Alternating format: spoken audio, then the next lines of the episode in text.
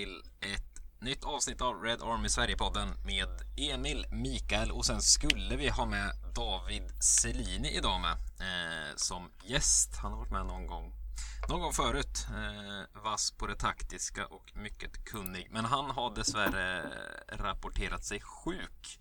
Eh, så vi skjuter på honom. Han eh, dyker upp här så småningom. Eh, hoppas vi. Eh, kanske att han inte vill vara med Mikael, eller vad tror du? Nej, han är, jag känner honom väl. Han är väldigt ärlig, fin, söt. Vågar inte säga nej. Norrlänning. Nej, men han var, han var väldigt ledsen att han inte kunde vara med. Ja, det dyker Bad upp om nya möjligheter. gånger. Ja, det dyker upp eh, nya gånger där han lär vara med. Men eh, en röst ni lärt känna. Ännu en norrlänning. Eh, Rasmus är med oss idag istället. Vi tar över! Visst, Igen Rasmus? ska jag säga. Yes, viva la Norrland. Fy fan. Nu erkänner jag dig som en riktig norrlänning. När det passar mig. Ja, samma här. Viva la Norrland var nog det svagaste som jag har hört. Viva la Norrland. Ja, det klingar inte så jävla bra. så långt ifrån man kan komma. Det har aldrig sagt brukar bara- Viva la Norrland. De tre orden i samma mening. Men måste testa något nytt när man bor söderut. Det kanske blir någon ny grej här nu. Viva la Norrland. Så, här, så fort man passerar Gävle eller vad fan det är så står det någon skylt. Viva la Norrland. Det låter som en SVT-serie. Ja. En sån här riktigt dålig humorserie. Skulle vara intressant att se lite så här små bygder i Norrland som granskas av SVT-journalist. Hade det det? Nej. Pajala. SVT gjort något från Pajala? Granska vadå? Vet vad som pågår där uppe. Ja. Re, granska rennäring. Hembränt. Hembränt. Den verksamheten kan granskas.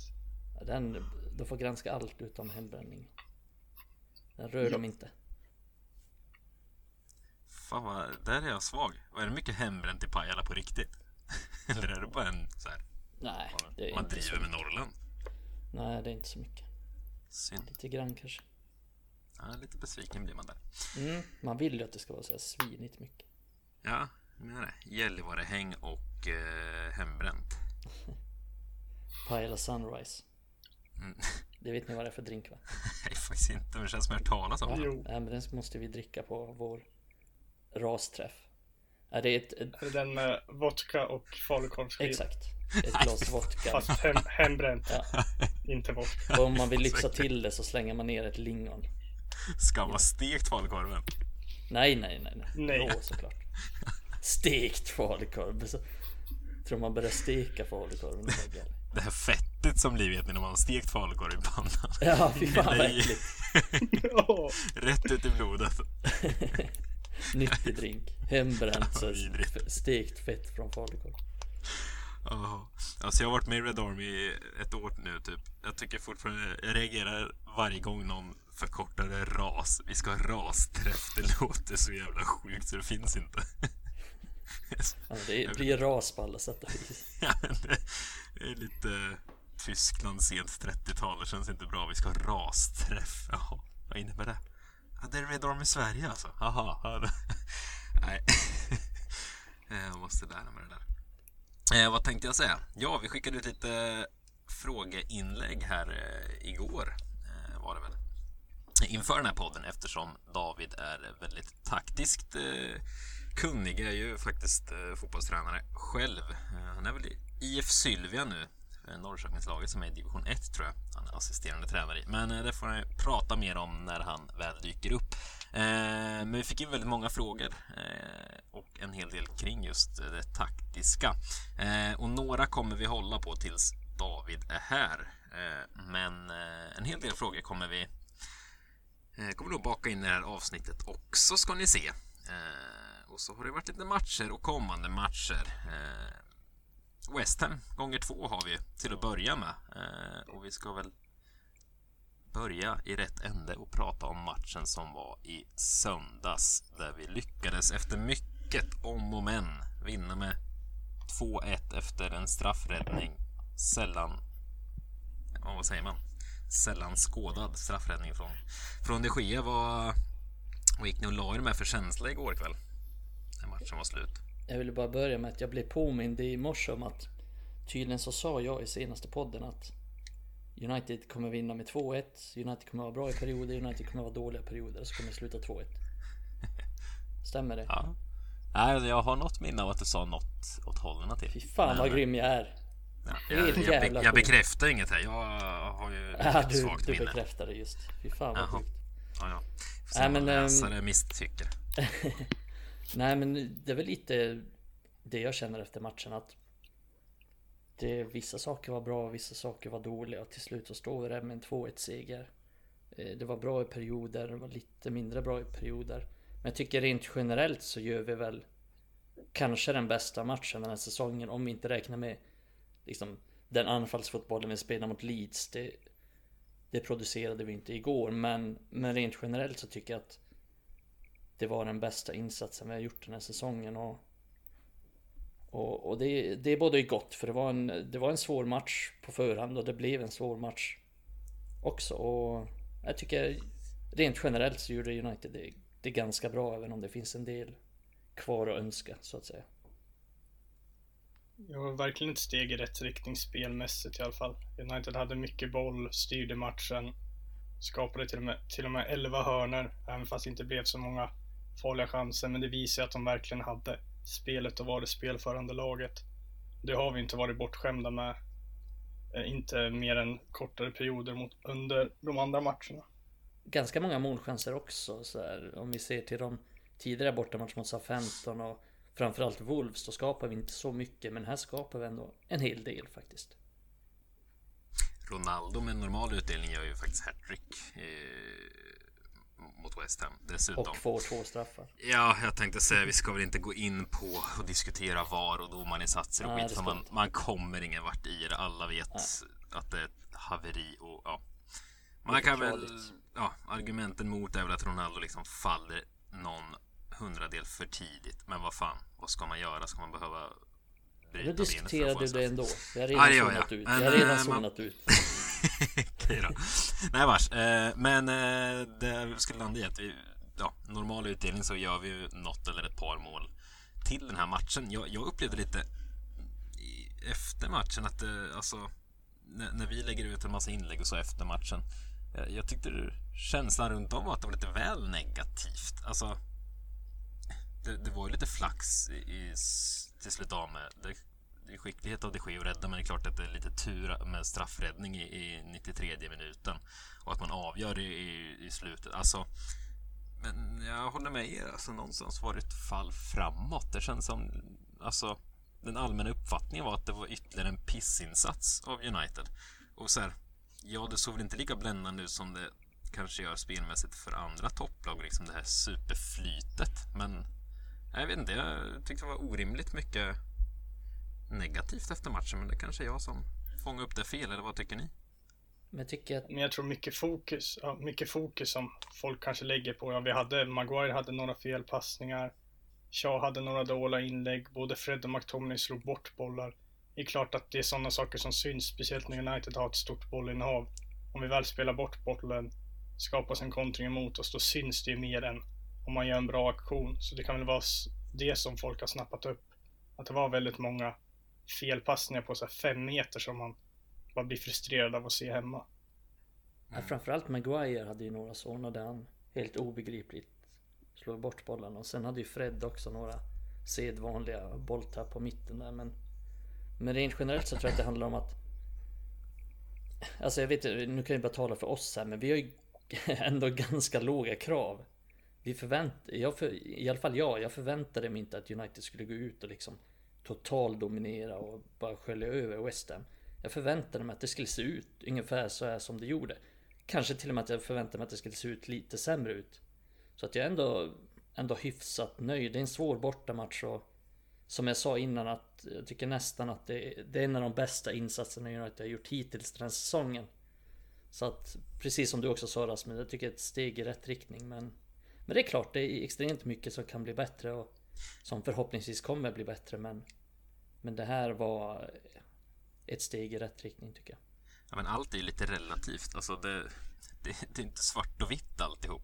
Alltså, jag vill se United spela bättre. Jag, alltså, jag tänker inte sitta och säga att vi gjorde en riktigt bra insats igår och säga åh, det är så här jag vill se United spela. Det är liksom inte det, men vi har ju sett hur det har sett ut i, i många matcher och då var det ett, ett steg framåt. Alltså man måste kunna hålla två bollar i luften på något sätt känner jag. Eh, alltså ja, Nej, allt är inte svart eller vitt som sagt så jag vet inte. Eh, Mm. Nej men det, det är ju så. Det, jag tycker ju man får fortfarande inget riktigt grepp om United. Men det, men det som står klart är att vi, vi kan vinna matcherna som helst och, och hur som helst. Och eftersom vi har många matchvinnare i truppen. En sån som, ta en sån som Lingard till exempel. Han är ju ett otroligt facit hela 2021. Alltså snudd på en av ligans bättre spelare om vi kollar, kollar statistik bara. Och han är ju inte ens nära startelvan egentligen. Nu kommer ju han in och så avgör han med ett briljant mål. Men han är ju inte... Det är ingen som ville ha honom i startelvan liksom. Så att vi har ju extremt många matchvinnare och... Och det är ju det är därför vi vinner den här matchen tycker jag. För att vi, vi, har, vi har så många matchvinnare som... Som... eh, Nej men ta Lingard till exempel när han gör det här målet. Det är ju det är helt och hållet bara en individuell prestation. Det är inget intränat mönster i Uniteds lagbygge utan han får bollen och så gör han det själv. Så vi, vi har den typen av spets som gör att vi, vi vinner de flesta matcherna vi spelar helt enkelt. mm. Vi varit in... Och så precis som du var inne på Emil, att ja, men Ronaldo hade lägen att göra tre mål. Han hade ju ett jävligt bra läge, speciellt där i början av andra halvleken var det 20 sekunder in. När han precis hade slagit på sändningen och så blev han frispelad av Fernandes och Fabianski gjorde en bra räddning. Så redan där såg man att United var igång. Men jag tror att det var en bra boost att de kände att de var nära redan från början. Mm. Mm. Men eh, jag tycker, vi har varit inne på det här hundra gånger i den här podden, men det säger ändå någonting eh, när, när vi igår, eh, när vi jagar segern så byter man in en Lingard i sin livsform och Jadon Sancho som, ja, jo, man kan väl ändå säga att han har dominerat Bundesliga ett par säsonger. Eh, alltså han har ju spottat in poäng. Det, det säger lite om eh, ja, truppen som sådan och då satt det ju ett par ja, Martial som kanske var bästa spelare för två säsonger sedan fick inte spela. Donny som många gapar efter fick inte spela. Alltså det... Rashford är borta och Cavani är borta. Ja men precis, så liksom det finns otroligt många matchvinnare som du säger men jag tänker att vi kan stanna lite i Jesse Lingard. Det måste man nästan göra en sån här dag alltså. För det... Och och jag skrev det i mina tre tankar efter matchen också att alltså jag tycker verkligen alltså tidigare i podden också sagt det varit tveksam till att så här, ska han vara kvar i truppen? Var, det är väl bara att sälja och casha in det vi kunde få nu men, men, men nu när man valt att behålla honom och han är så, alltså han ser så jäkla bra ut som han gör. Eh, då tycker jag alltså att det är lite Solskärs-förbannade jobb att lyckas få in honom och ge honom speltid. Speciellt i den formen han är nu. Han ska spela mer än Sancho gör i nuläget, för Sancho ser ju likblek ut. Eh, så alltså jag tycker nog... Jag vet inte. Sen finns det plats för honom. Det är svårt att säga. Eh, men det är en på tal om frågor. Vi fick faktiskt in en fråga från en Daniel Skog kring, kring Lingard. Eh, där han skrev att jag liksom ni hade gärna sett Lingard såld i somras. Eh, men efter lite mer betänketid så tycker jag att det inte är ett så dumt beslut ändå att ha honom kvar. Och då förtydligar han att jag kommer till denna insikten redan innan hans mål mot Newcastle och West Ham. Eh, så skrev han Mata Pogba lär lämna nästa sommar och jag ser Donny mer som en box-to-box vilket alltså betyder att Lingard är den enda tian kvar bakom Bruno. Tankar kring det? Hur, hur känner ni? Jo men jag känner väl att, ja men han är helt klart inne på något där Daniel. Och tycker det är tydligt att Ola håller Lingard högre än Donny också, vilket han gör rätt i. Generellt alltså tycker jag att vi har för många offensiva mittfältare och Sen vet man ju aldrig om Pogba blir kvar heller. Han kan ju lika gärna skriva på ett nytt kontrakt men Man får inte heller glömma att vi har tre spelare som klubben tror mycket på. Just en tia-roll eller runt omkring tia-rollen i, i Hannibal och Choretire och Elanga också. Så att Det handlar ju någonstans om att Ska man liksom belöna de trotjänare som är kvar eller ska man Liksom fasa ut dem för att Typ Elanga behöver speltid för att utvecklas och Och i nuläget så med Lingard, Mata och så vidare och så vidare så får han inte den speltiden. Och Sen kan jag hålla med om att Men Lingard är ju Han är ju nog bra för att Kunna komma in och göra skillnad men måste ändå säga att jag är lite överraskad över att han har satt det avtrycket han har gjort. Visst, han var jävligt bra i lån på West Ham, men han har ju varit rätt blek i United de senaste åren, trots många chanser. Så jag är lite förvånad över att han har varit så bra, så att i nuläget så, så förtjänar han ju att spela. Och lite som du sa innan också Emil, att han har varit bättre än Sancho hittills. Så att ska någon av dem starta, då förtjänar ju faktiskt Lingard att starta före Sancho. Så att jag tycker att han just nu så, så är det helt rätt liksom att han får speltid och att han är kvar också. Just när det är alltid en fråga om kontraktet. Blir det nytt kontrakt eller lämnar han gratis efter säsongen?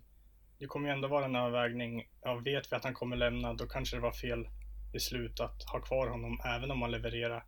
Då var det ändå 20 till 30 miljoner pund som vi missade i en utebliven försäljningsintäkt. Mm. Så vet man att han kommer förlänga, lyckas man övertyga om att förlänga, ja visst då är han en bra truppspelare. Men samtidigt så här, finns det plats för honom nästa säsong? Finns det plats för honom om två säsonger? Det är väldigt svårt att säga. Som Micke var inne på, det finns många unga spelare. Kanske till och med behöver värva in någon ny. När vi har löst högerbacksproblemet och en central mittfältare, vad står näst på önskelistan? Och kommer Lingard verkligen hålla i två säsonger till om man inte får starta? Jag tror inte att han kommer få starta så mycket när alla är friska. Nej, och det, och det var ju hans liksom, krav också, ryktades de. Han vill ju inte skriva på nytt kontrakt eftersom han tycker han vill ha mer speltid. Och även om han gör bra inhopp nu så, så är det precis som du säger, han kommer inte få starta särskilt många matcher. För vi har ju sån enorm jävla bredd där framme och liksom inte ens Sancho får starta. Som du sa, dominera i Bundesliga. Så hur ska Lingard liksom få den typen av speltid som han kräver och som han vill ha och som han, han förtjänar också. Han förtjänar att vara ordinarie i ett bra lag. Men han kommer aldrig bli det i United igen. Han var ordinarie i någon säsong där, men han tog inte riktigt chansen. Och han kommer aldrig bli ordinarie igen, men men visst, i nuvarande form då, då har han en roll att fylla i truppen, det har han. Nej, det, ja, jag, vet inte, jag tycker det är en jäkligt svår fråga alltså. Jag, för Ja men skulle sätta mig ner och liksom skissa ner en startelva så, så är han ju inte där. Men samtidigt i nuvarande form, alltså i dagens form så det går inte att gräva fram ett enda argument för att hålla honom utanför en startelva egentligen. För alltså, han är ju stekhet ärligt talat och som du sa Micke, han har, gjort, han har varit stekhet hela 2021, liksom hela kalenderåret. Så jag vet inte, men äh, ja, han, han är ju inte purung. Var han född 92 var Lingard eller något? Alltså, mm. Nej, jag vet inte. Det är så märklig situation. Han var så likblek, blev liksom utlånad. Ja, dundersuccé. Och så tänker man, jaha, ja, jättebra, då säljer vi honom. Då var det här man ville. Nej, då ska han vara med igen i leken och så gör han det så pass bra så han liksom ska vara med på riktigt. Jag vet inte. Och jag tror ärligt talat inte Solskär har en suck själv vad han ska hitta på där alltså. Jag, jag tror inte han vet, utan jag vet inte. Det kommer nog fortsätta så här att Lingard får får hoppa in lite här och där. Men eh, ja, han har förtjänat att få starta tycker jag. Då är det lite... Jag vet inte, men det är ingen social mm. verksamhet heller. Så jag, jag tycker alltså... det... Ni hör ju, jag har inget vettigt att säga för jag tycker det är en så konstig, alltså, en konstig situation som har uppstått med honom på något sätt. Han, jag tror inte, han, han, var inte, han var inte inräknad när man liksom, Sancho hade man bestämt sig för att man skulle värva och sen helt plötsligt dök Ronaldo upp och sen Nej, han har bara dykt upp här och råkar vara bland de bättre just nu. Men då blir det så här, oj, vad, vad ska vi göra med den här killen? Så då, nej, det blir spännande att se. Ja, men sen får man ju tänka också på att han, han är ju som bäst som tia. Det är där han var som bäst i West Ham och det är där han har varit som bäst i United också. Det är inte på kanten och som tia är han ju där kommer man inte få starta någon match för att där finns ju Bruno och det är jävligt sällan Bruno blir utbytt också så att det är en, det är en svår sits för honom och han kommer inte få den speltid som han som han vill ha. Nej. Ja, det är jävligt kul ändå att, eh, att han hittat någon form av form eh, sent i, i, eller sent i karriären. Jo, ganska sent i karriären att han, att han flyger. Men eh, det återstår att se eh, och vi får fortsätta eh, hur vi får fortsätta följa Lingards eh, tid helt enkelt. Eh, vad ska vi prata mer om? Han, han, han blev faktiskt inbytt igår, Lingard, och eh, avgör matchen. Eh, det var ju duktigt med kritik både ja, från alla håll och kanter till Solskärsbyten mot Young Boys förra veckan. Eh, när både Ronaldo och Bruno blev utbytta. Då var Lingard och eh, Matic kom in då också.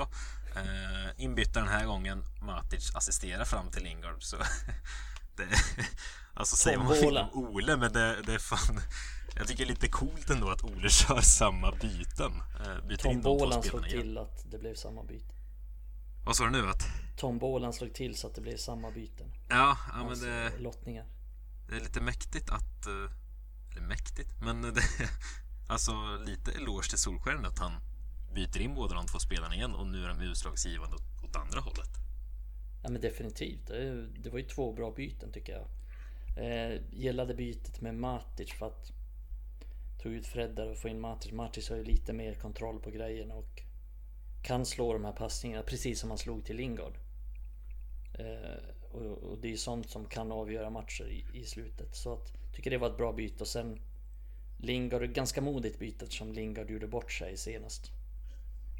Eh, kanske var det lättare att bara slänga in Martial till exempel men Det blev jävligt bra så att det Sen är det ju alltid en diskussion om bara hur mycket Liksom eh, Hur mycket Ska man ge cred till Ole för att han byter in honom? Hur mycket ska man ge cred till Lingard som individuell spelare? Hur mycket ska man ge cred till slumpen? Men Faktum är att det blev bra byten och då tycker jag man ska Då tycker jag man ska hylla Ole. Vi satt och såg Ole förra Förra veckan. Då tycker jag att vi kan hylla honom för de här byten för att det blev jävligt bra utfall.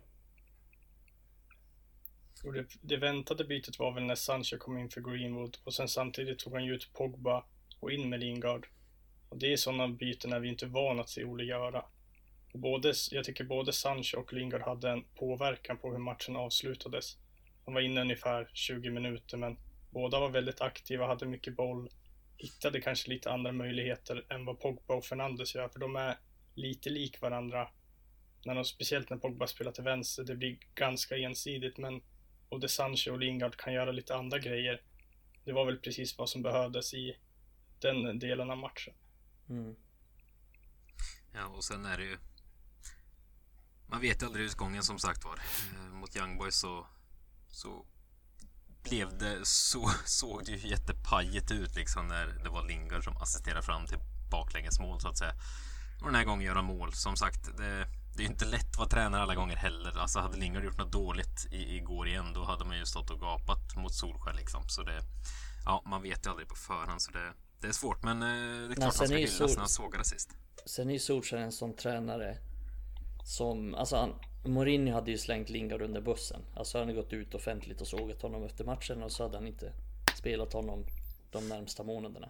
Men Ole är ju verkligen en sån som han tar spelaren i försvar, han säger förmodligen till Lingard att men det är okej, okay, liksom alla är ju misstag och och sen ger han honom chansen direkt igen. Och det är ju Det är liksom, det är en av Oles styrkor. Den psykologin och, och den liksom effekten på att få spelare att trivas och få, få spelare att, att prestera för honom. Och det lyckades ju verkligen den här gången. Ja, verkligen. Eh, McTominay var ju tillbaka också, ska sägas, eh, och spelade ihop med Fred, eh, vilket vi har vant oss vid får man väl ändå säga nu. Sitter vi och hyllar Matis lite för, för sitt inhopp och eh, vet vår skribentkollega Melker var inne på det redan när Matic kom in där, att, det, alltså, att den spelare som bryter linjer, eh, för att förklara lite ja, på, jag tycker det beskriver på ett ganska bra sätt. Det är varken Fred eller McTominay har den förmåga som Matic har att bryta linjer med, eh, med, med bollen helt enkelt. Alltså med passningar som liksom går genom motståndarnas lagdelar. Och här skulle vi haft David och vi kommer få David i något avsnitt framöver som kan förklara det här på ett bättre sätt. Men trots, trots det, eh, den egenskapen hos Matic, vad säger McTominay tillbaka direkt från skada med Fred? Är det Alltså någonstans känns det väldigt självklart att det ska vara så. Är det självklart tycker ni? Jag tycker ändå det är eh, speciellt i den här typen av matcher mot West Ham där det blir ganska intensivt och det blir mycket liksom kamp och löpande och där vi inte riktigt har kontrollen. Så jag tycker att det är det tryggaste valet på mitten. Men i en match mot Burnley hemma till exempel, då kan jag tänka mig att Matic och Pogba är ett bättre val för att de är bättre på att lösa upp knutar och precis som du sa innan att Matic är bättre på att slå ut lagdelar med en passning. Han kan slå igenom Burnleys mittfält med en passning och det kan inte riktigt McTominay och Fred på samma sätt. Men ta West Ham borta, då tycker jag det är självklart att McTominay och Fred ska spela. Det är en... Ja men helt enkelt en mer dynamisk duo. Vi, vi blir bättre och mer kompakta med dem på mittfältet och jag tror att... Jag tror att Ole väljer dem mycket för att de är mest löpstarka och bäst fysiskt och helt enkelt kan springa i 90 minuter och pressa i 90 minuter.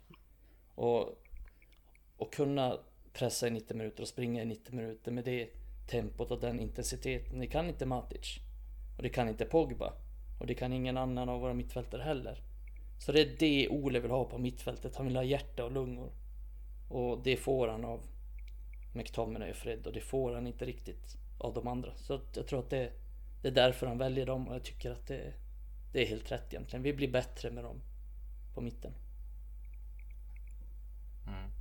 Sen det är eh, samma sak här. Jag tjatar om det jämt att man måste kunna hålla två, två bollar i luften. Ja, i nuläget tycker jag också McTominay och Fred. Eh, absolut. Men i en perfekt värld hade vi ju, som vi återvänder till jämt, att då ska det finnas någon annan eh, som kanske kan spela själv på en, i en sittande roll och vi kan få in fler av våra offensivt skickliga spelare. Men det finns ju inte nu Det skulle vara Matic för fem år sedan då. Men, eh, men det har vi inte nu och då, då är det vad det är. Sen innan matchen igår när, när startelvan kom så diskuterade vi lite internt i, i, i gruppen eh, i Red Army Sveriges egna lilla chatt. Ras. Eh, och, ja, precis, precis, ras. vi hade en rasdiskussion.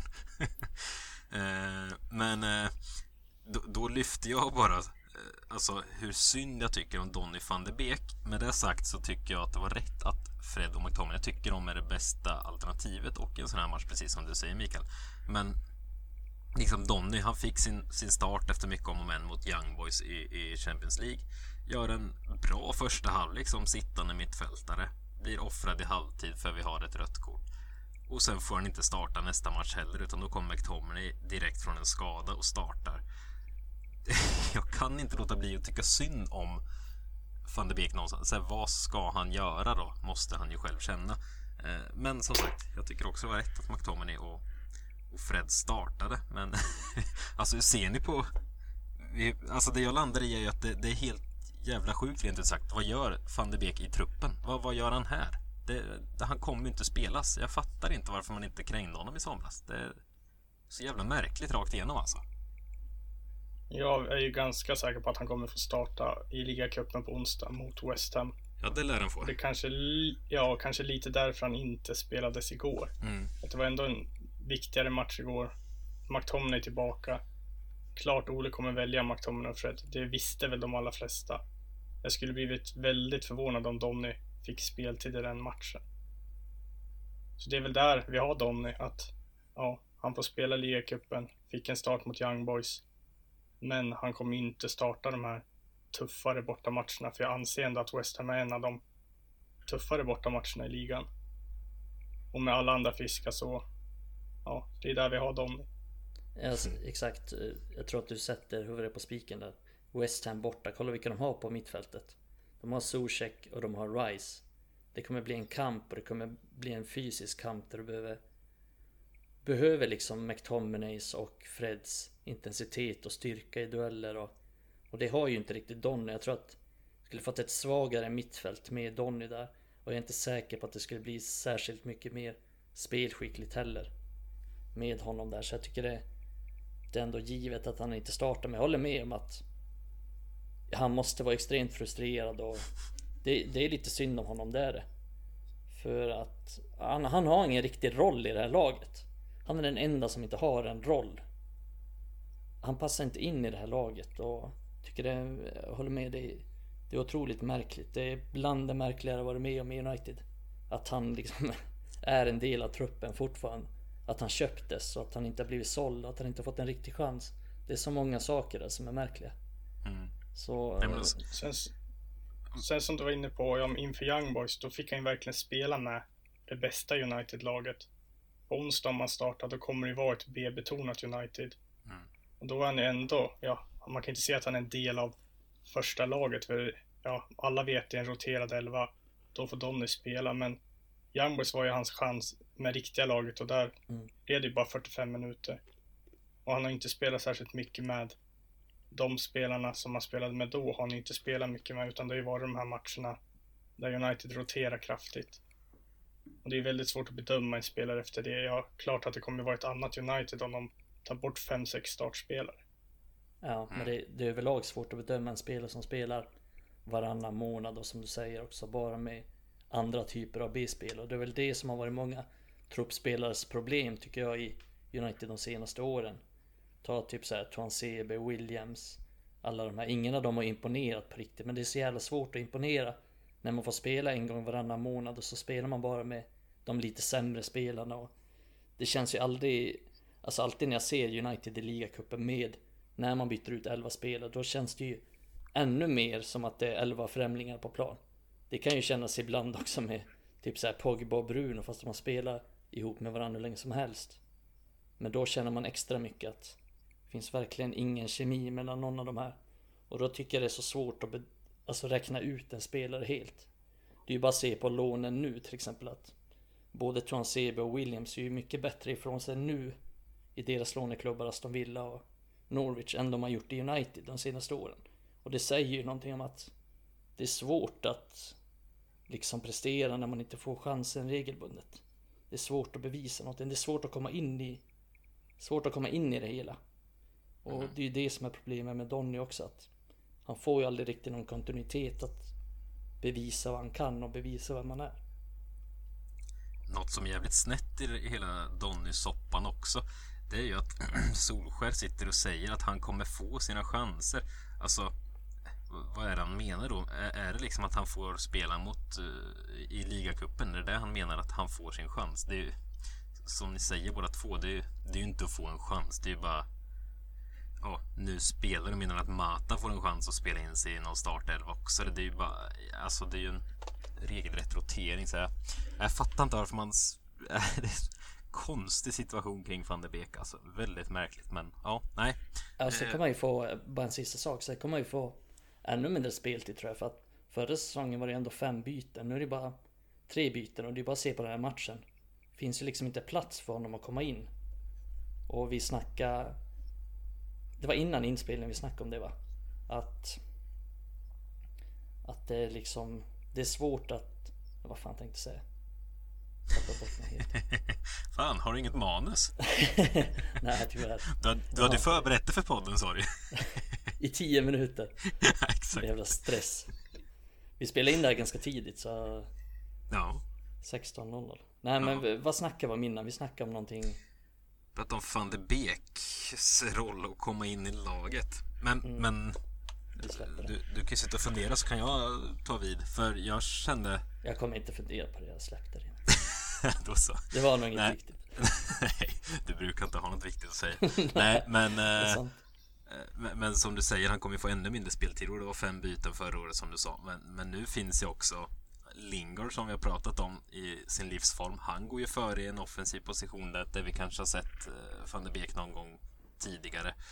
Eh, ja, Ronaldo är inte hans position, men det är ytterligare en spelare i offensiven. Även Sancho kan ju spela på en ytterkant där vi har sett van de Beek på. Så det är liksom ytterligare tre spelare som kommit in och ligger före honom i rangordningen i offensiven. Så det, nej, nej, ja, nej, nu ska vi släppa van der Beek. Nej för nu kom jag på vad jag skulle säga. Jaha, ja, då- Yes! varsågod. Fan vad skönt när man kommer på det. Varsågod.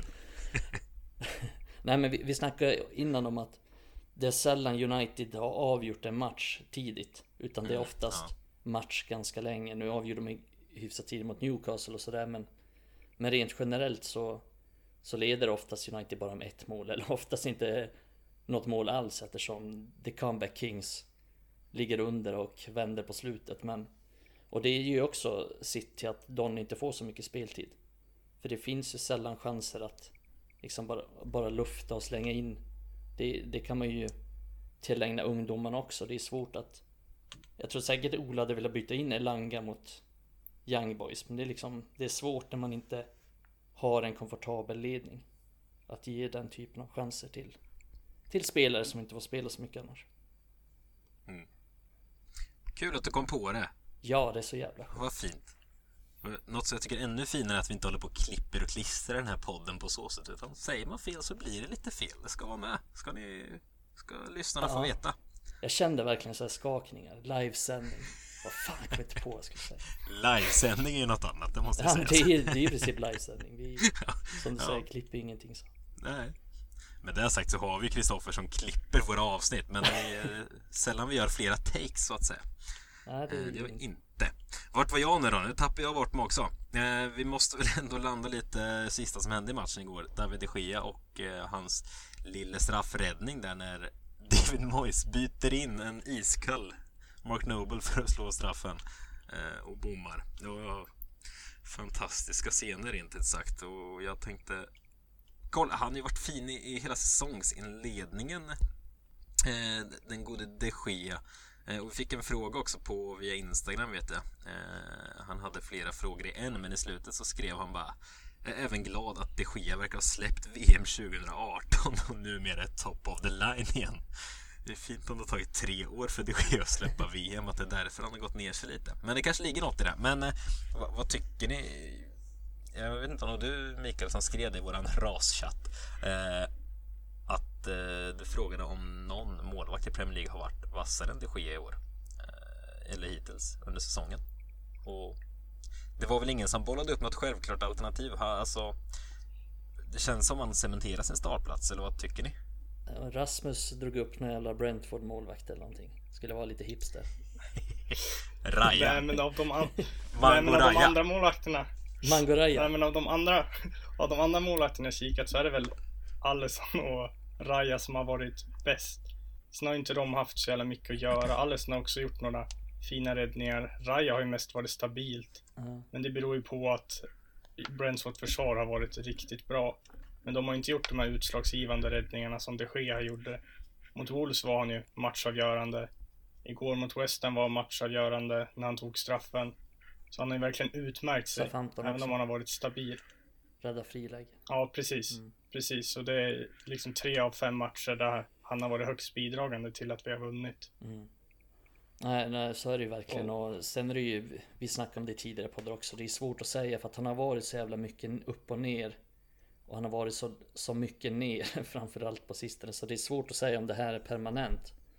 Men nu har han ju verkligen, han har inlett den här säsongen extremt bra. Och det är, det är liksom cred till honom för att han, han var ju bänkad hela EM och jag kan inte tänka mig att hans självförtroende har varit på toppen. Han har verkligen tagit chansen den här säsongen och det är så jävla oväntat att han räddar den här straffen. För det första Mark Noble missar ju typ aldrig en straff.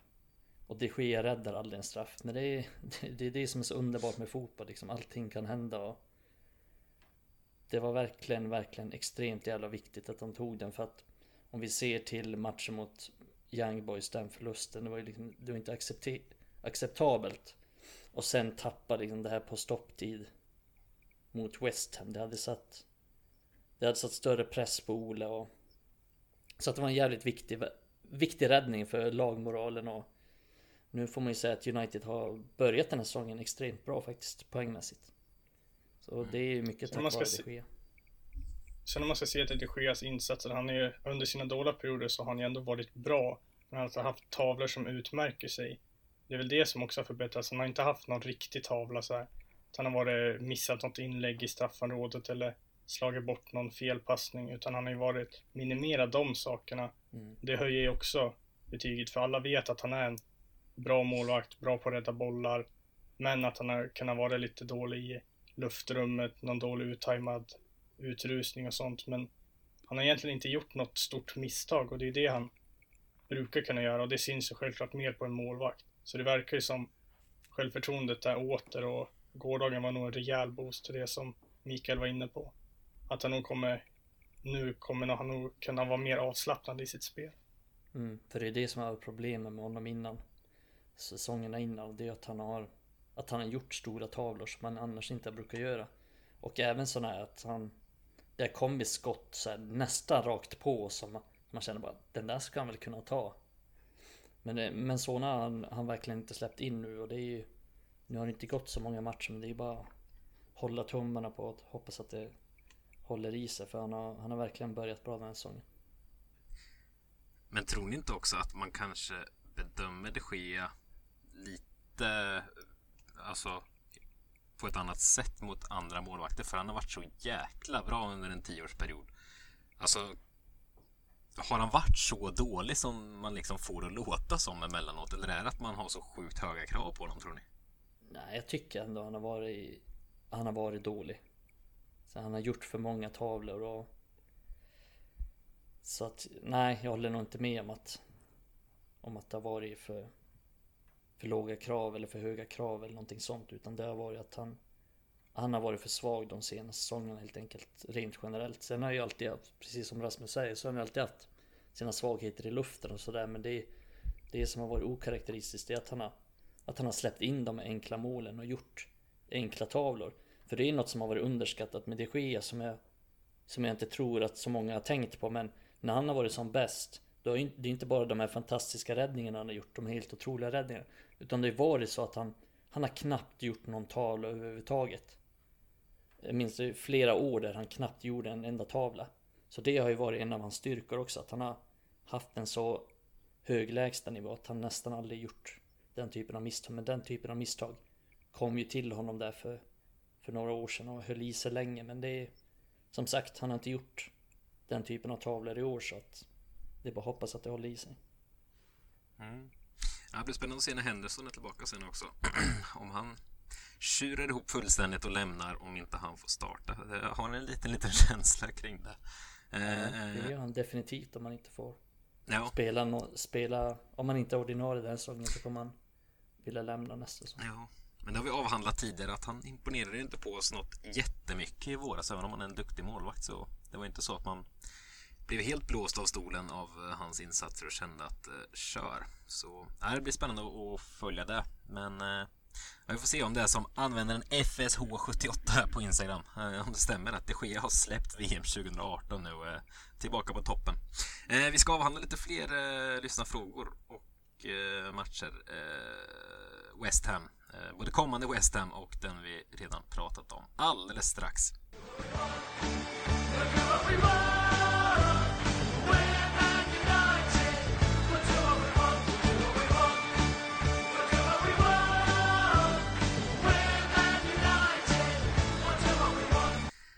Andra halvlek av avsnitt 95. Eh, vi tuggar väl vidare. Eh, vi har ju avhandlat en del West Ham. Eh, matchen som var West Ham alltså. Eh, stökigt när det kommer en ny match mot West Ham också. Jag har svårt att hålla isär allting. Och så Aston Villa på lördag. De ser likadana ut tröjmässigt med. Och Burnley pratar vi alltid om. Det är väldigt jobbigt här nu. Känner jag. Men eh, vi snuddade vid det förut. Vi fick ju enormt många hörnor igår mot West Ham. Eh, och eh, ja, nyttjades väl inte kanonbra kanske. Men eh, vi har fått in lite frågor kring det och vi pratade om det där tidigare också. Bland annat Adam, vår gamla ordinarie medlem skulle jag säga. Han är fortfarande ordinarie, bara att han, bara att han aldrig är här. Eh, bland annat han har skickat in en fråga eh, kring att vi har kortsiktigt haft ett gott resultat sedan Eric Ramseys intåg. Eh, och Eric Ramsey är ju alltså eh, ny tränare eh, som kom in i somras som ska fokusera lite på fasta situationer. Eh, och han ställde egentligen frågan till David Selini som skulle vara med då, om eh, vi sett en eller flera aktioner eller förändringar som skapat det här. Eh, Adam tycker alltså att vi blivit vassare på fasta situationer. Vad, vad grundar han det på? Jag vet inte. jag gillar att han inte frågar någon av oss heller. Vi vill bara fråga David. Ja, såklart han vill. Hade, ja, men vad, vad... hade jag fler hörnor än förra säsongen, det, då är väl det bra. ja. ja. men vad, vi, vi, är väl bättre på defensiv och fast i alla fall. Ja, det känns det som. Eh, det tycker jag med se en, en tydlig skillnad. Det är ganska mycket tryggare där nu. Vi har väl, vi har väl inte släppt in något mål på fasta situationer. Den här säsongen. Mm. Inte man kan komma på i alla fall. Men... Nej, vi har bara släppt in skitmål. Ja, bara skott som har tagit på två stycken och gått in. Mm. Men vad, vad, tänker ni om vi... Ja, det defensiva verkar ha blivit bättre i alla fall. Så där har väl Adam, Adam någon poäng. Nu, det som ligger närmast hos mig är ju att vi fick, av vart det 11 hörnor eller vad vi landade i igår mot, mot West Ham och hotade inte jättemycket och alltså med, med de spelarna vi ha på plan. Alltså, när det slås in en hörna mot liksom, vi har Pogba, vi har Ronaldo, Maguire, Varan, McTominay. Alltså, det är fem gubbar jag räknar upp där och sen liksom Bruno Greenwood som liksom fångar upp någon form av andra boll. Alltså det, det ska kunna vara vinst varje gång nästan känner man. Ja men det ska kunna hota ännu mer. Eh, så där är jag, jag vet inte. Någonstans känner jag mig lite besviken för det ska kunna smälla rejält. Alltså det är ruggigt bra eh, huvudspelare vi har att göra med där. Stora starka gubbar. Så jag, ja, jag vet inte. I offensiven känns det som vi, vi behöver hitta något. Men defensivt som sagt var det... Ja, har vi inte släppt in något så är väl det, det är väl facit. Får man väl säga. Ja, men nu mot West Ham framförallt så känner väl jag att West Ham är ju jävligt starka på, på fasta situationer. Så där tycker jag inte att det är särskilt konstigt. Även om vi får 11 hörnor att vi inte gör mål. Men det ska också sägas att på en av hörnorna så prickar Bruno stolpen faktiskt. När bollen dimper ner där.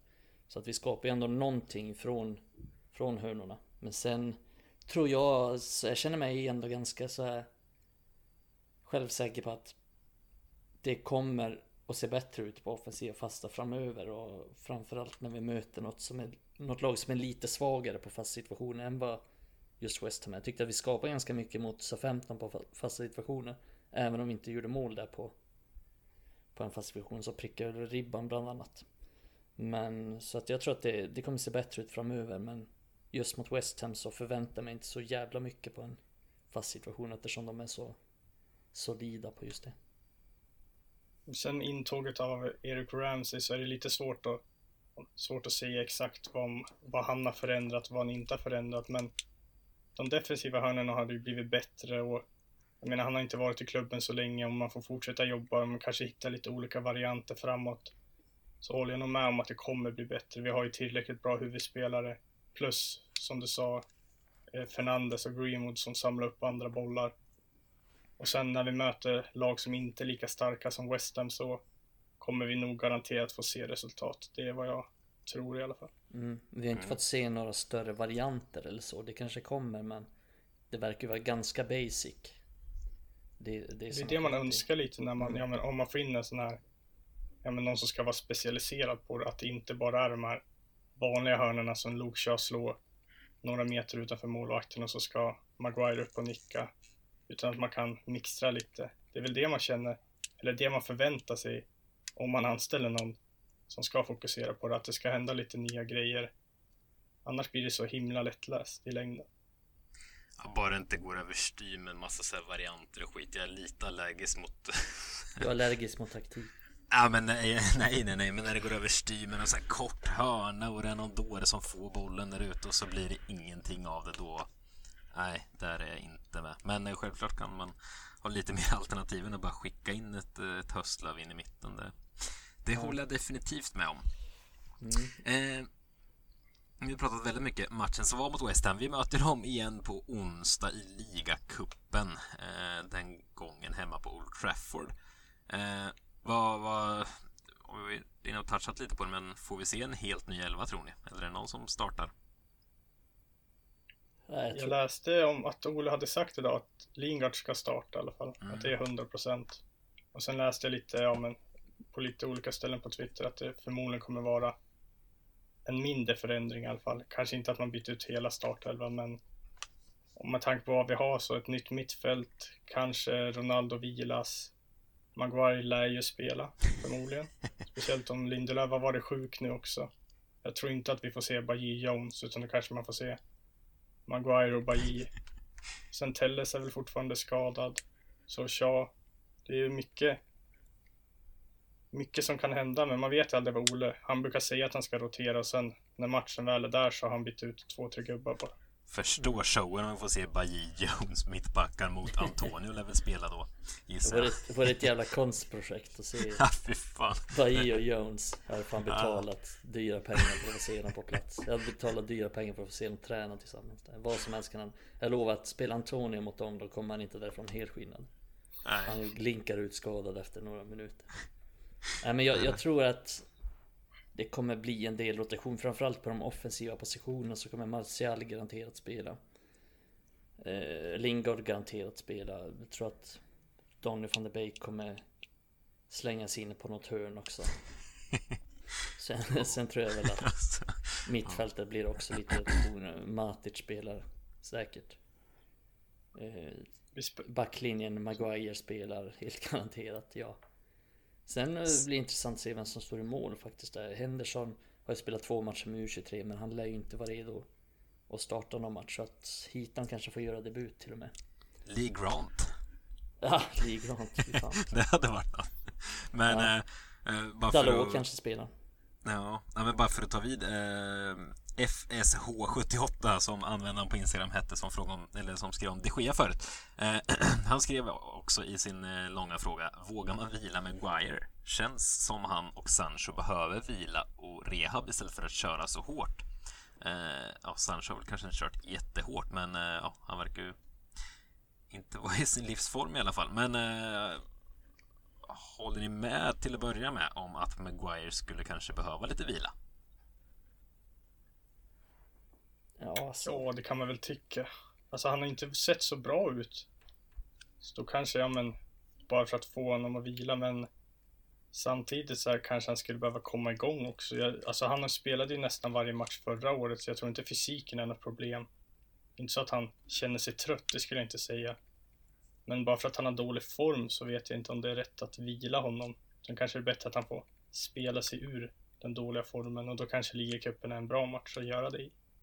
Ja, alltså det verkar ju som att Maguire är alltid den som spelar. Det ser vi ju mot till exempel Young Boys också. Då vilar han hellre varann.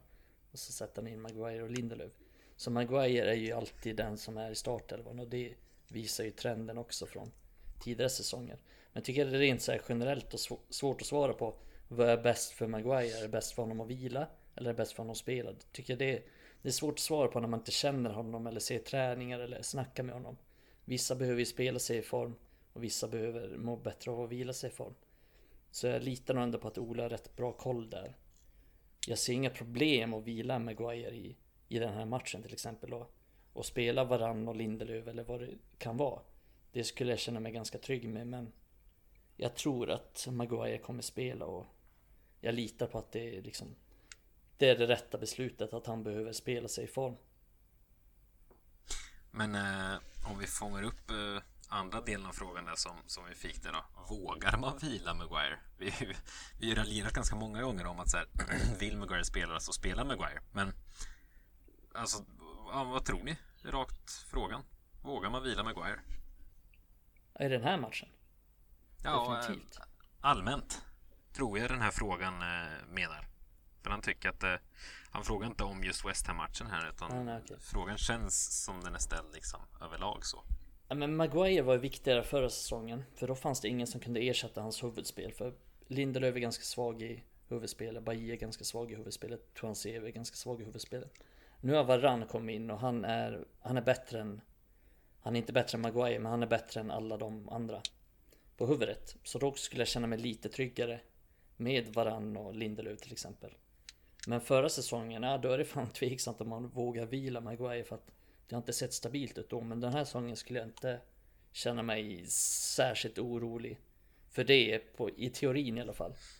Sen är det svårt att säga för Lindelöf och Varann har aldrig någonsin spelat tillsammans. Förutom i den här, en kort period i trebackslinjen mot Young Boys. Men, men i en, i en rak fyrbackslinje så har inte de spelat tillsammans. Så det är, det är svårt att säga hur de funkar ihop. Men jag skulle alltså säga att vi möter liksom så 15 hemma och jag ser laguppställningen att Maguire sitter på bänken och Varann och Lindelöf startar. Då skulle jag inte sitta och bara shit, nu är jag nervös. Utan jag skulle nog känna mig ganska trygg med det ändå. Mm. Sen, jag har sett att det dykt upp lite för... Jag är en av de som absolut inte tycker att Maguire kommit upp i nivå här i, i början av säsongen. Eh, och jag har sett att en hel del kommentarer har läst om att det är dags att bänka Maguire, att det är Lindelöf och eh, Varann som ska vara vårt startande mittbackspar. Men alltså... Nej, alltså folk måste förstå också att alltså Maguire är en väldigt, väldigt bra mittback och det är så många aspekter. Han är liksom kapten också. Eh, det är lite som svenska landslaget. Folk satt och gnällde på Granqvist, men eh, det var också... Han var kapten. Alltså det, det, är, det är en grej i det också. Det tror jag folk måste måste förstå. Och alltså, man kan inte bänka Maguire. Eh, alltså, nej, jag vet inte. Jag... Du kan inte bänka honom för att han är kapten menar du?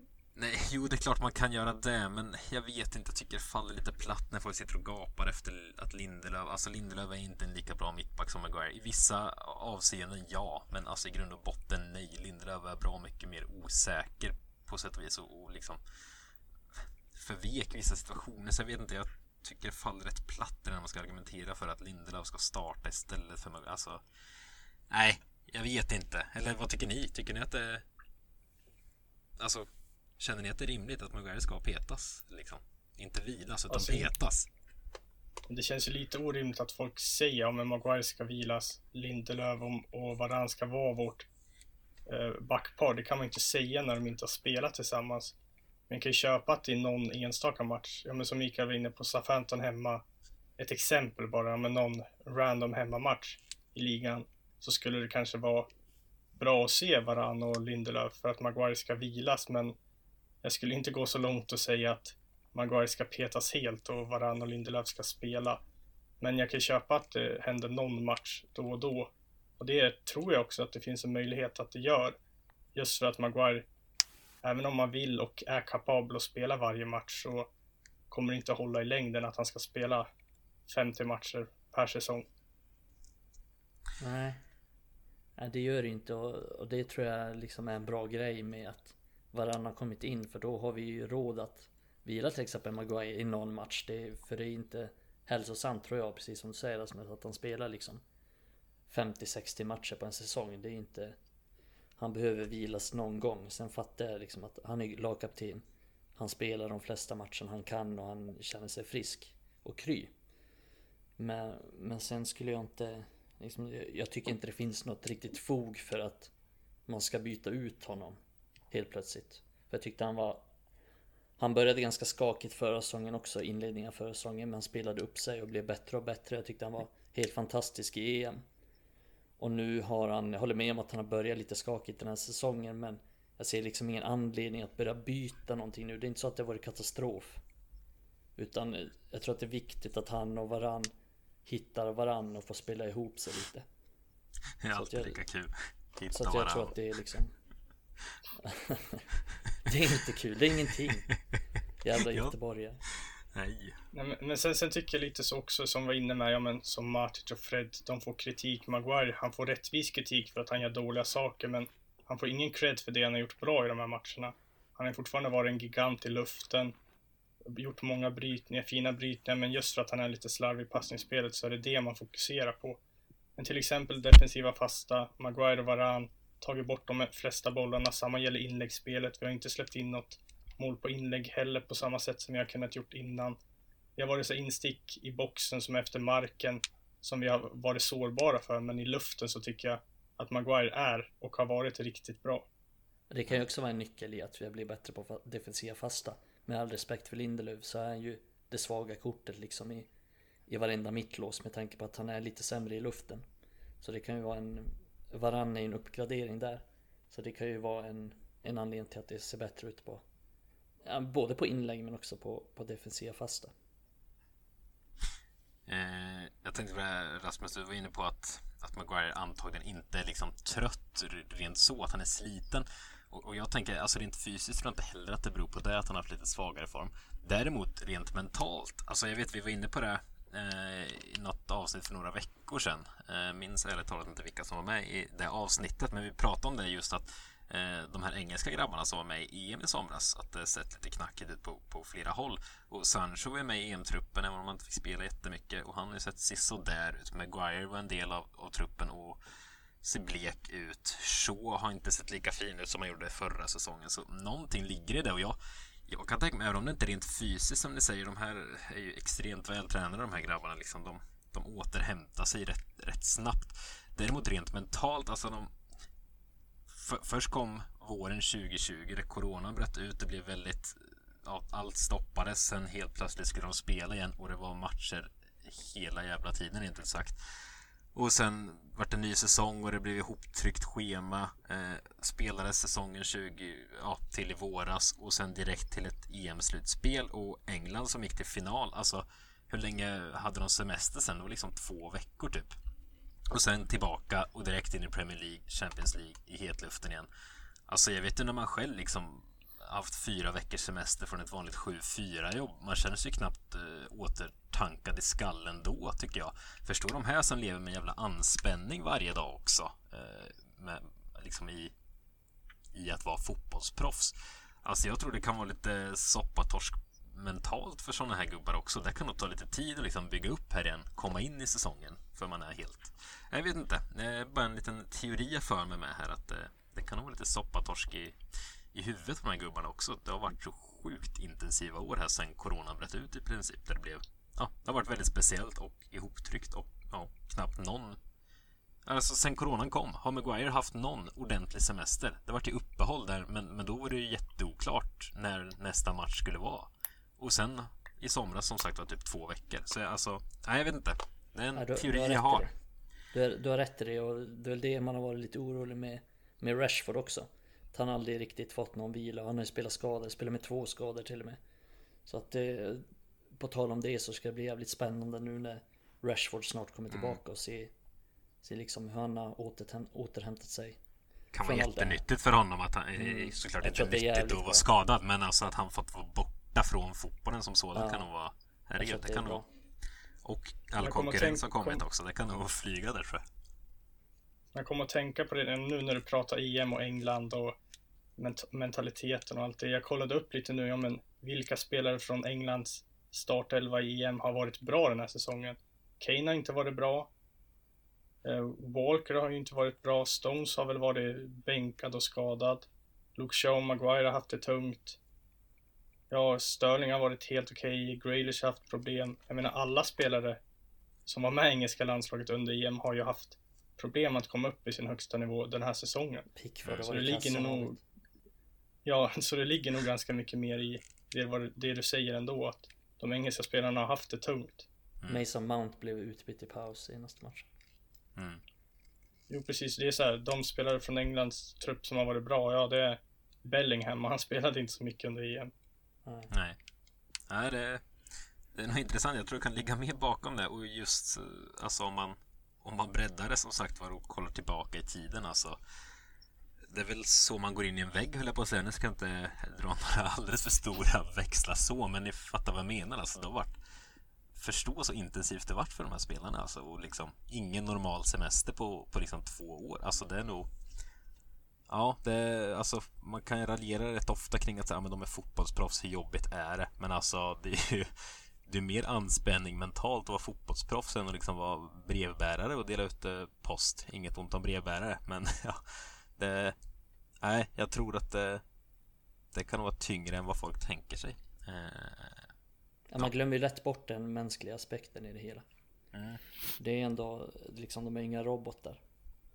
Så jag tror också att det, det ligger ganska mycket i det och just med Rashford där att det ska bli spännande att se honom. Jag har saknat honom faktiskt. Lilla Rashford, lilla Mark. det lät jävligt Jag har saknat honom. Lilla Mark, jag saknat att se honom. ja, saknat att se hans felbeslut. ja, exakt. Springa rätt in i en högerback. Få bollen, springa rätt in i en högerback. Jag saknat att se. Nej, men jag tror att uh, Rashford kommer, kommer bli bra när han kommer tillbaks. Uh, mm. Jag har saknat hans djupledslöpning, hans hot och, och allt det. Sen har han en jävligt bra poängspelare också. Det behövs inte i det här laget i och för sig. Sista vi behöver är fler matchvinnare höll jag på att säga. Det, det har vi väldigt många av så att eh, kommer en till tillbaks. Kanske kan bidra till att vi får vinna med 4-0 och leda med 2-0 i paus någon match. Ja. Sannerligen. Äh, hörrni, vi har ju pratat lite här om Rashford kommer tillbaka och så vidare. Eh, och vi har pratat rätt mycket om truppen och startelvor hit och dit. Eh, vi har fått in lite frågor på det temat och rätt länge sedan. Jag eh, tror vi gjorde det ja, på Adams tid i podden tänkte jag säga. Eh, men prata lite så här bästa tänkbara elva eh, för United. Det är lite intressant men vi har fått in lite ja, lite nytt Eh, på, på spelarfronten. Eh, bland annat så Henrik Grenstam skickade in på, på Twitter och frågade rakt ut kommer det finnas plats för Cavani i elvan? Eh, sen, eh, ja du Rasmus skickade in innan du visste att du skulle hoppa in som reserv här för David så skrev du tankar kring 352? Frågetecken. Eh, där du fick svar direkt att det kommer inte funka. Var det någon som svarade att det kommer bli en fembackslinje med två sittande mittfältare? Nej tack. Eh, och sen en Isak Berglund här skrev att tror ni 4-2-3-1 är formationen United ska använda eller vilken formation hade ni valt med tanke på all offensiva krafter de faktiskt besitter? Hur, hur känner ni? Ja, Nils Palmblad skrev också att han vill höra vår bästa startelva. Vad, vad tänker ni rent spontant? Om, om vi börjar med dig Mikael, skulle du dels vilken uppställning skulle du liksom bara skicka ut om det var Champions League-final imorgon, alla spelare tillgängliga? Vad, hur hade det sett ut hos dig? Jag hade nog ändå försökt få in, alltså fortsätta med den här 4-2-3-1 uppställningen. Jag gillar inte den i, i grunden för jag tycker vårt mittfält blir lite sisådär. Jag tycker balansen blir lite sisådär. Men det är, det är den uppställningen som, som passar våra offensiva spelare bäst och kanske framförallt Bruno bäst. Och vi har ju så jävla många offensiva alternativ. Jag gillar egentligen 4-3-3 bäst som uppställning. Men då får vi in en, en, en offensiv spelare färre så att säga. Så det blir lite sådär och det passar inte Bruno särskilt bra så att jag hade nog ändå kört vidare på 4-2-3-1. Och faktiskt, nu kan jag ha fel, men exakt den startelvan som, som vi såg mot West Ham. Det tror jag är vår bästa elva just nu, så i nuvarande form också. Med Van Bissaka, Varan, Maguire, Shaw och sen Fred och McTominay på innermittfältet för de är den mest stabila duon. Och sen Greenwood, Bruno, Pogba och Ronaldo framför. Sen hade jag ju liksom, det är, det är så jävla många alternativ. Jag vill ju ha in Rashford i startelvan och jag vill, in, vill ha in Sancho också. Men det betyder att man måste ta bort Greenwood eller flytta ner Pogba eller eller så. Så det, det blir ju aldrig optimalt tror jag. Det, där kommer Ole få enorm huvudvärk tror jag. I hur han ska formera laget och få ut det bästa och, och få in alla de bästa spelarna. Men, men det är den startelvan jag skulle ta i nuläget. Den som startar mot West Ham. Då med Greenwood, Bruno, Pogba, Ronaldo framåt. Mm. Rasmus då, du lanserade ju 3-5-2, eller du skickade in den frågan här i alla fall. Vad, vad tänker du? Är det en uppställning du skulle vilja se, rent av? Alltså om man ska vara rent realistisk, nej. Alltså personen gillar ju 3-5-2 eller 5-2 väldigt mycket, men jag tror inte riktigt att det passar United, speciellt inte att förändra så pass mycket när de har spelat 4-2-3-1 hela tiden under Ole. Så jag får väl, om jag ska vara realistisk så tror jag nog 4-2-3-1 är den vägen vi ska gå under Ole och med de spelarna vi har. Och för att inte säga samma sak som Micke om vilka som ska spela så jag, jag tror nog att när Rashford är tillbaka och Sancho kommer igång så skulle jag nästan flytta ner Pogba i alla fall beroende på vad det är för motstånd. Så det blir Matic Pogba på ett centralt mittfält. Så har man Bruno Ronaldo givna.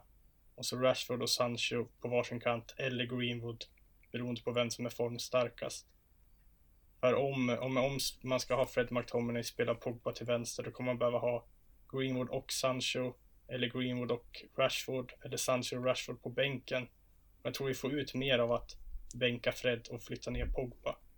Jag tror det blir mer bekvämt för Ola att göra så också, även om det kanske inte blir så stabilt i mitten, men med så många offensiva spelare så kanske det inte behöver vara lika stabilt i längden. Det ska bli mm. extremt intressant att se, säg att vi möter Liverpool borta. Hur han ställer upp laget. Han kan inte se liksom att han ställer upp med, med Pogba och Matic då. Vilket kommer innebära att han kommer spela Fredde McTominay i den typen av matcher, vilket jag tycker att han gör rätt i. Så det ska bli intressant att se vilka kommer bli bänkade i den typen av matcher. Jag tror ju att det, är liksom det enkla valet för honom, det är att sätta Greenwood på bänken.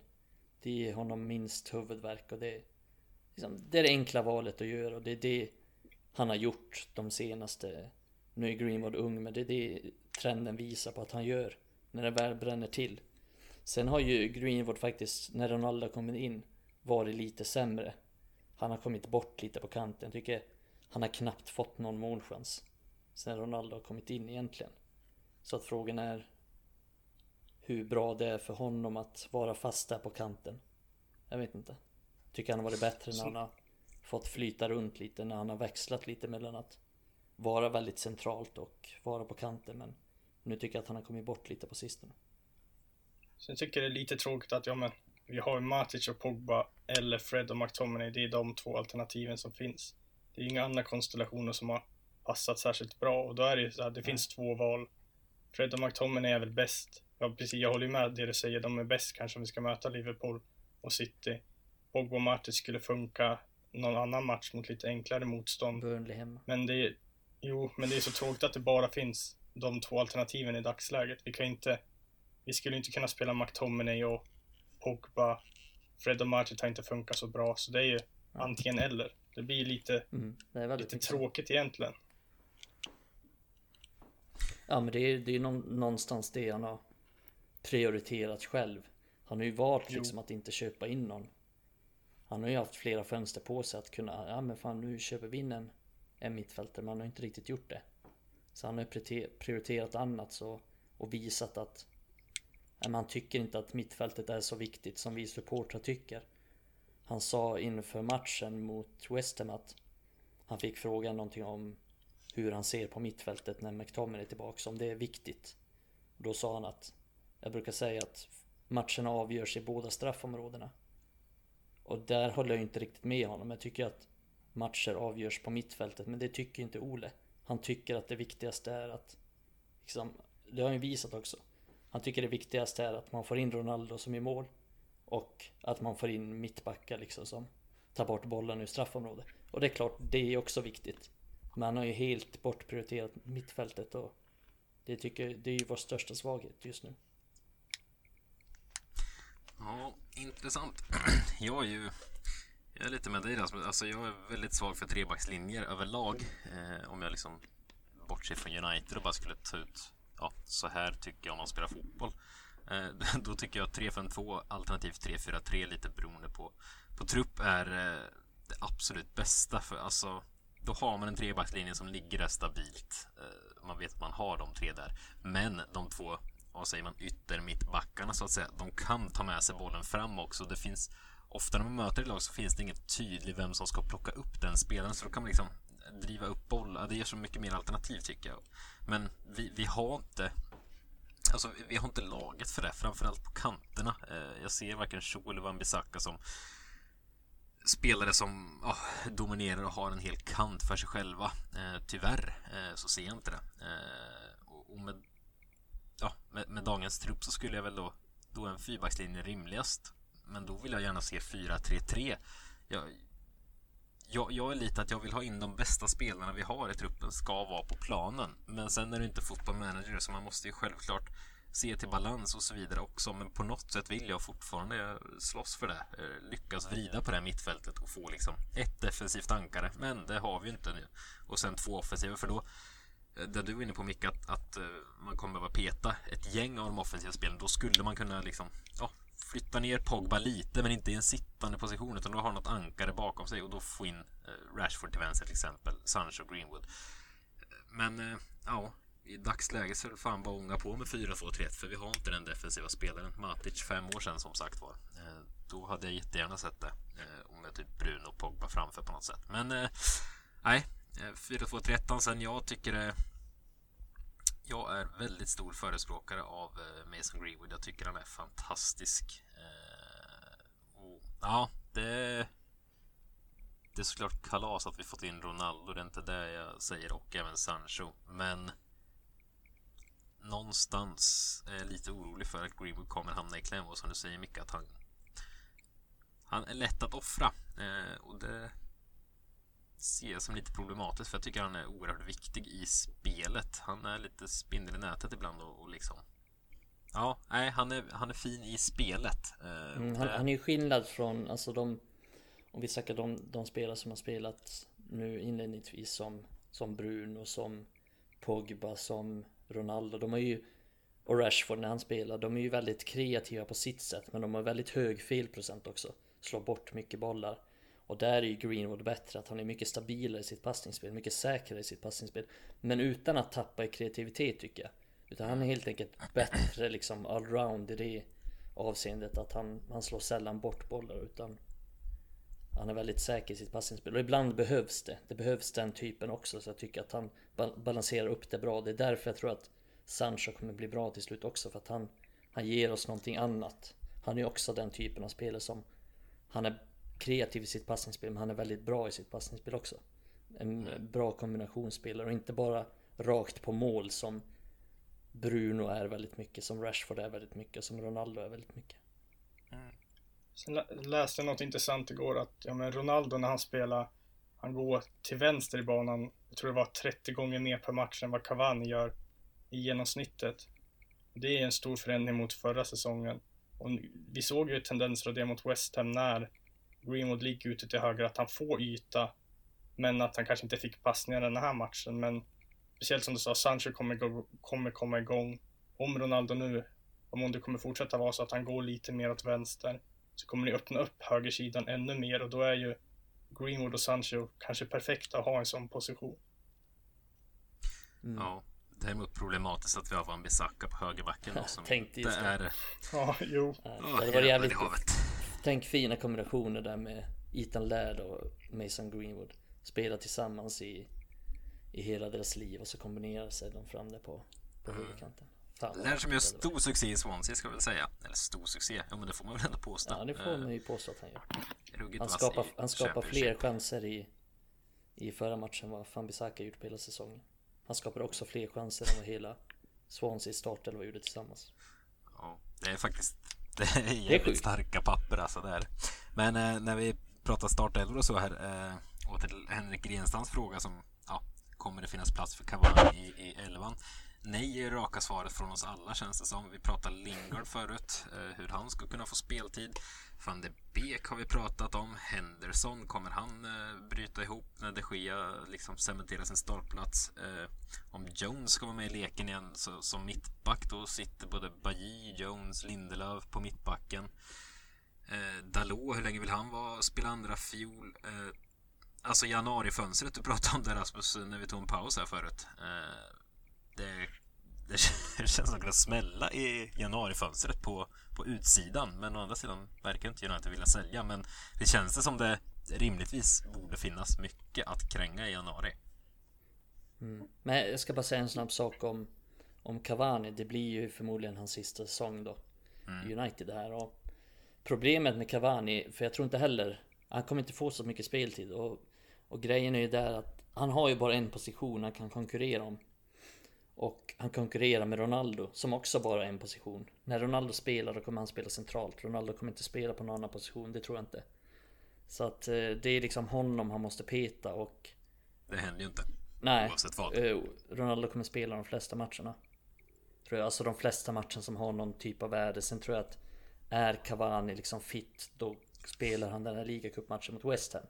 Men annars så är det liksom så 15 borta. Ja oavsett så kommer Ronaldo spela den. Han kommer spela liksom varenda ligamatch. Från start så länge han är frisk. Mm. Så Cavani kommer nog få det tungt att få, få speltid.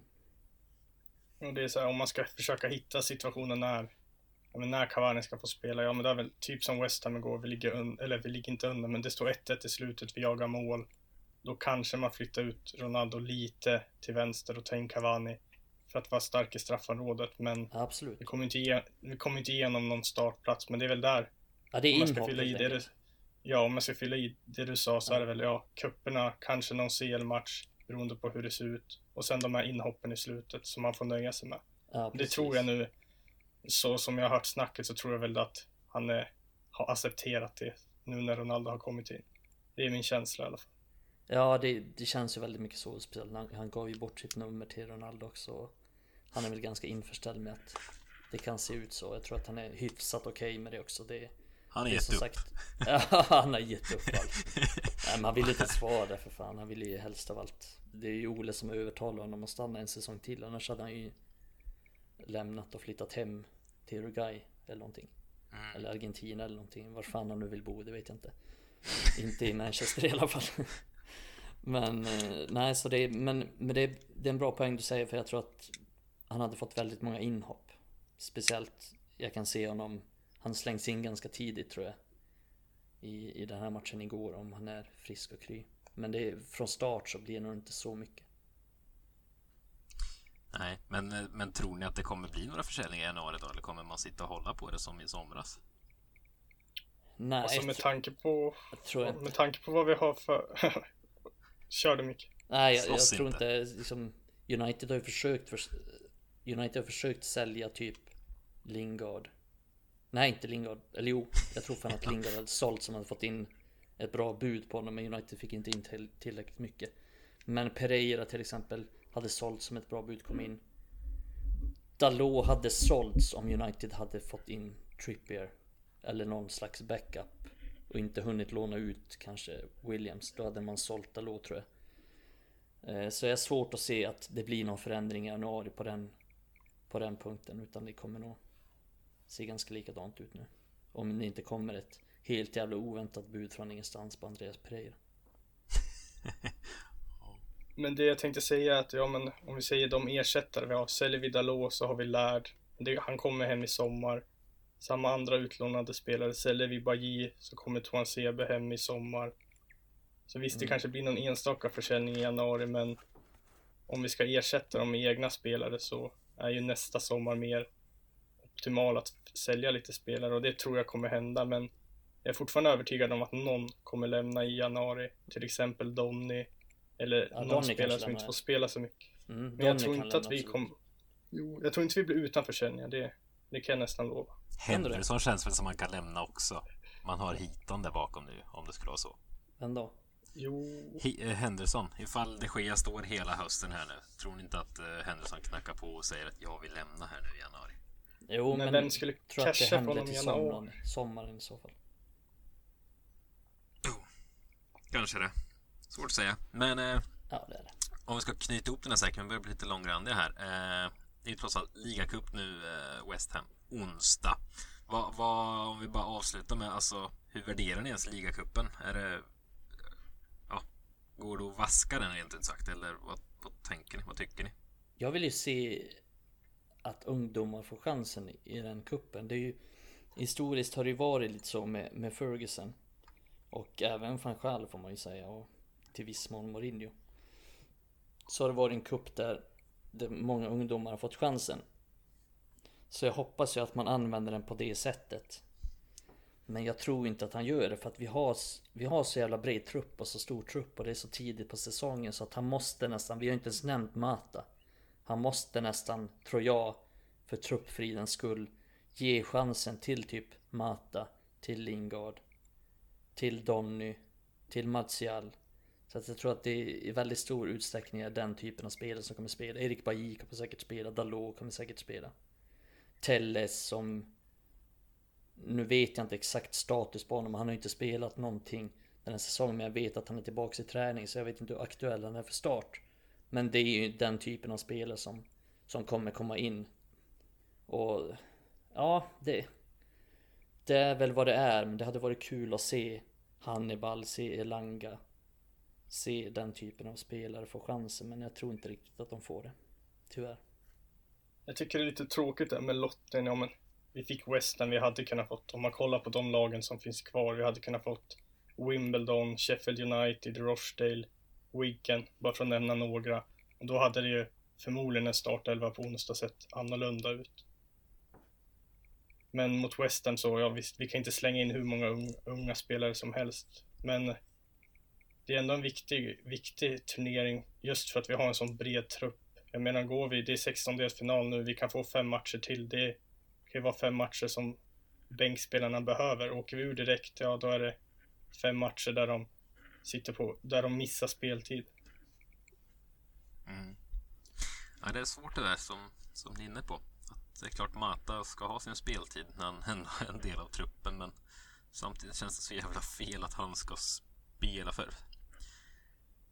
Ja, få chansen sa du, uttryckte du Mikael, men det är ju inte det är ju inte vad som sker rent ut sagt. Mata får ju inte chansen utan han, han ska få spela bara för att här nu. Alltså jag vet inte. Eh, någonstans klämmer en sko. Jag älskar Mata och tycker någonstans att det är fint att han är kvar i truppen för han verkar vara en jävla kanongubbe. Men ja, det är klart att Langa ska spela här egentligen. Eller, ja. Nej, det, är, det är svårt, svårt att, att säga. Men eh, ligacupen är det någon... Ja, det är väl den kuppen som rankas lägst så att säga. Där det är... Ja, man gråter inte floder när man åker ur därifrån. Eh, så brukar det kunna vara i alla fall. Men eh, kan vara nog så viktigt för eh, andra kupper att liksom vara kvar i den för att som du var inne på Rasmus att de här spelarna ska få, ska få sina matcher. Eh, Minns du vi åkte ut på straffar mot Sunderland i ligacupen? Vad tider. Ja, det var tider. Herregud. Men eh, det är Aston Villa på lördag sen också. 13.30 i ligan. Så eh, ja, det varit inne på det är ju kanske de som spelade här nu eh, söndag mot West Ham. Det är svårt att se att någon spelar 90 mot West Ham nu på onsdag igen och sen ska starta mot Aston Villa. Då, Maguire. Ja, det är väl han i så fall. Men det är bra många match, tre matcher på, på sex dagar. Det är lite, kan vara lite tight. Men mm. Maguire och de Gea kan nog vara de enda. Mm. Kanske, nej inte Van Bissaka. Bruno kanske? Nej, tror faktiskt inte det. Nej. Nej, tror faktiskt inte det. Nej, jag tror faktiskt nej, inte det. Nej. nej, det här blev nog eh, bland de eh, längre avsnitten vi gjort på senare tid skulle jag säga. Nej, det kanske inte var. Vi får se vad det klipps se, ner till. Jävla cred för att ni hänger med oss i de här två timmars avsnitten i alla fall. Mm. Sitter tre personer nu och har lyssnat ända hit. Tack till er. Norrland. Var tusen pers som börjar med att lyssna på avsnittet. Tre är kvar. Ja. Kommentera era namn i kommentarsfältet om ni har lyssnat ända hit. Ingen kommentar. Nej, jag vet. Det är det som kommer att ske. Är det deppigt. Tack snälla för alla frågor vi fick in också. Vi hann in vi hann ta ett gäng, men eh, inte riktigt alla. Och sen har vi som sagt sparat en del frågor som eh, vi nog plockar upp igen när eh, David eh, tillfrisknat och kan vara med oss. Eh, tack och bock för att eh, ni lyssnade och tack och bock till Rasmus och Mikael för att ni orkade hänga med här ännu en gång. Så... Varsågod. Eh, varsågod. Det är fan, jag har fått skall i Krekula. Men men, vi eh, hörs av helt enkelt. Ha det gott. Hej hej!